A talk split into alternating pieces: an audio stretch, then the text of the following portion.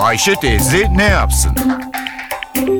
Güngör Uras, Ayşe teyze ekonomide olan biteni anlatıyor. Merhaba sayın dinleyenler, merhaba Ayşe Hanım teyze, merhaba Ali Rıza Bey amca. Biz önceleri tarım ülkesiydik, sonra sanayileşerek büyüme hedefini benimsedik. Sanayi tarımın önüne geçti. Tarımda da sanayide de büyüme devam ediyor.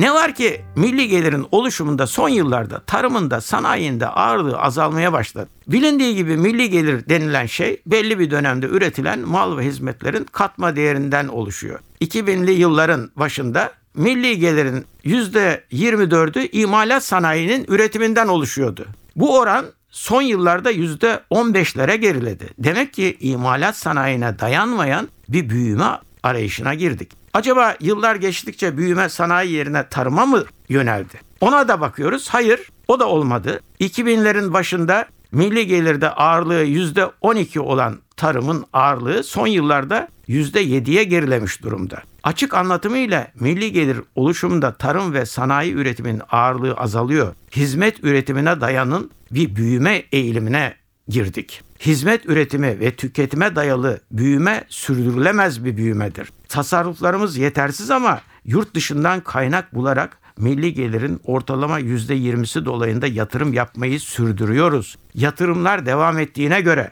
tarım ve sanayinin milli gelire katkısı artacak yerde acaba neden azalıyor? Çünkü yatırım harcaması yapılınca üretim mutlaka artmıyor. Yatırımın ekonomik büyüklükte olması lazım. Yatırım kadar üretimin doğru olması önemli.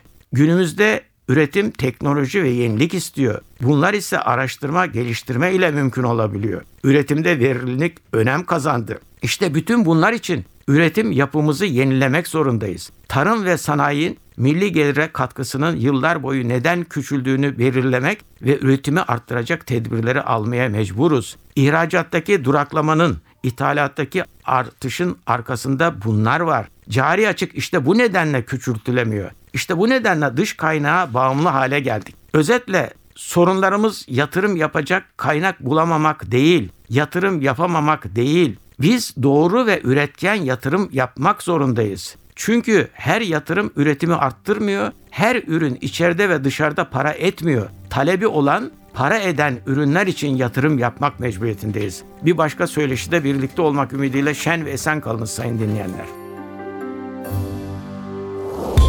Güngör Uras'a sormak istediklerinizi ntvradio.com.tr adresine yazabilirsiniz.